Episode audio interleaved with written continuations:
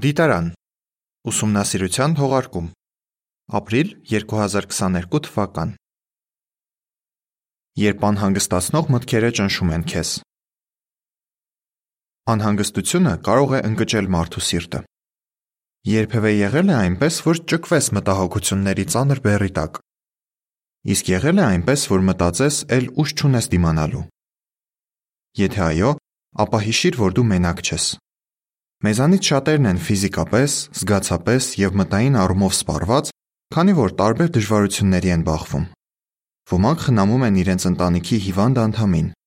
Մյուսները սիրելի հարազատ են կորցրել կամ բնական աղետի զոհ դարձել։ Ինչպես կարող ենք պայքարել անհանգստացնող մտքերի դեմ։ Ծանոթագրություն Եթե անհատը սուր տագնապի զգացում ունի, ապա գուցե հարկ լինի դիմել մասնագետի օգնությանը։ Ծանոթագրության ավարտ Անհանգստացնող մտքերի դեմ պայքարում մեզ կարող է օգնել Դավիթ թագավորի օրինակը։ Նա բազում դժվարին իրավիճակներում է հայտնվել եւ նույնիսկ մի քանի անգամ կյանքը կորցնելու վտանգի առաջ է կանգնել։ Ինչպես էր Դավթին հաջողվում պայքարել անհանգստացնող մտքերի դեմ։ Ինչպես կարող ենք ընդօրինակել նրան։ Ինչպես էր Դավթին հաջողվում պայքարել անհանգստացնող մտքերի դեմ։ Դավիթը երբեմն միաժամանակ մի քանի դժվարության էր բախվում։ Քննենք մի դեպք, որը տեղի ունեցավ այն ժամանակ, երբ Սավուղը հետապնդում էր նրան, որ սպաներ։ Դավիթն ու իր մարդիկ գնացել էին արշավանքի։ Երբ վերադարձան, ցնցվեցին, տեսնելով, որ թշնամիները կողոպտել էին իրենց ունեցվածքը, հրի մատնել տները եւ գերեվարել իրենց ընտանիքներին։ Ինչ արեց Դավիթը։ Նա ու իր հետ եղող ժողովուրդը բարձրացրին իրենց ձայնն ու լաց եղան, մինչև որ նրանց վրա լացելու ուժ այլևս չմնաց։ Այդ ամենին գումարվեց նաև այն, որ Դավթի ընկերները ուզում էին քարկոծել նրան։ Առաջին Սամուել 31-ից 6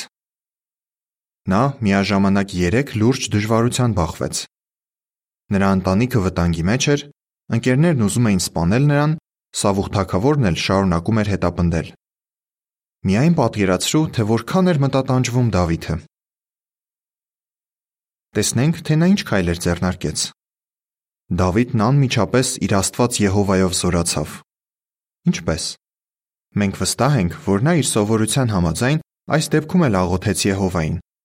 եւ խորհրդածեց այն մասին, թե ինչպես էր նա անցյալում օգնել իրեն։ Դավիթը հասկանում էր, որ Եհովայի առաջնորդության կարիքն ունի, ուստի հարցրեց նրան, թե ինչ անի։ Աստծո առաջնորդությունը ստանալուց հետո նա անմիջապես գործի անցավ։ Արդյունքում Եհովան օրհնեց Դավթին ու նրա մարդկանց, եւ նրանք կարողացան ազատել իրենց ընտանիքի անդամներին ու վերադարձնել իրենց ունեցվածքը։ Նկատեցի՞ր, թե ինչ երեք բան արեց Դավիթը։ Նախ նա աղոթեց Եհովային օգնության համար։ Հետո խորհրդածեց այն մասին, թե անցյալում ինչպես է Եհովան օգնել իրեն։ Այնուհետև գործեց Եհովայի առաջնորդության համաձայն։ Տեսնենք, թե ինչպես կարող ենք ընդօրինակել նրան։ Ընդօրինակիր Դավթին։ Առաջին. աղոթիր։ Ամեն անգամ, երբ անհանգստացնող մտքերը գլուխ են բարձրացնում, մենք կարող ենք աղոթել Եհովային, որ օգնի մեզ եւ իմաստություն տա։ Մենք մեծ թեթևություն կզգանք, երբ բավականաչափ ժամանակ տրամադրենք եւ ամբողջությամբ բացենք մեր սիրտը Եհովայի առաջ։ Կամ Մեր մտքում կարճ աղոթենք, եթե մեր հանգամանքները միայն դա են թույլ տալիս։ Ամեն անգամ, երբ դիմում ենք Եհովային օգնության համար, արտահայտում ենք մեր վստահությունը նրա հանդեպ, ինչպես Դավիթը, ով ասաց. Եհովան իմ վեմն է, իմ ամրոցն ու իմ ազատարարը։ Իմ Աստվածը իմ ժայռն է։ Նրա մոտ ես ապաստան կգտնեմ։ Սաղմոս 18:2 Իսկ աղոթքն իսկապես օգնում է։ Քալիե անունով մի ռահվիրաքույր ասում է. Աղոթելուց հետո ներսս խաղաղվում է։ Աղոթքն օգնում է ինձ, որ մտածելակերպս ներդաշնակեցնեմ Եհովայի մտածելակերպին եւ ավելի շատ վստահեմ նրան։ Իսկապես որ աղոթքը հիանալի պարգև է Եհովայից։ Հզոր միջոց անհանգստությունների դեմ պայքարում։ Երկրորդ. խորհրդածիր։ Կարող ես հիշել այնպիսի փորձություններ, որոնք հաղթահարել ես միմիայն Եհովայի օգնությամբ։ Խորհրդածելով այն մասին, թե ինչպես է Եհովան օգնել մեզ, ինչպես նաև անցյալում ապրած իր հավատարիմ ծառաներին, մենք ներքին ուժ ձեռք կբերենք եւ կլցվենք նրա հանդեպ մեծ վստահությամբ։ Ջոշուա անունով մի երեց ասում է. Ես գրի եմ առնում իմ այն աղոթքները, որոնց Եհովան պատասխանում է։ Դա օգնում է, որ հիշեմ այն դեպքերը, երբ նրանից կոնկրետ բան եմ խնդրել եւ նա տվել է այն, ինչ անհրաժեշտ է եղել ինձ։ Այո, եթե մտածենք, թե ինչեր է Եհովան արել մեզ համար անցյալում, նոր ուժով կլցվենք, որ เป զի շարունակենք պայքարել անհանգստությունների դեմ։ Երորդ. Գործի անցիր։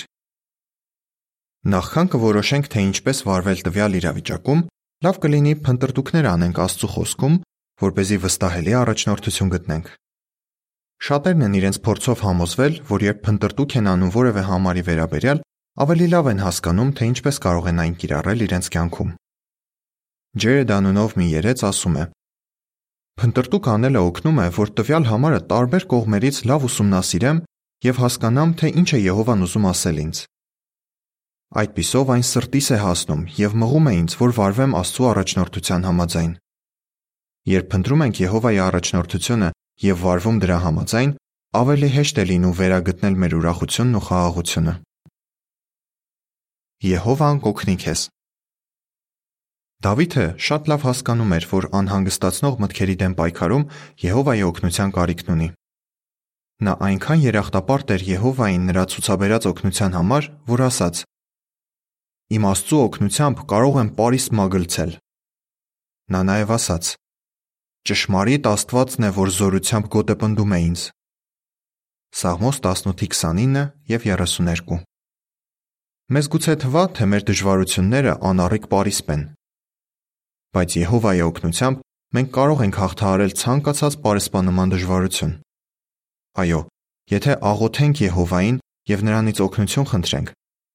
խորհրդացենք այն ամենի շուրջ, ինչ նա արել է մեզ համար,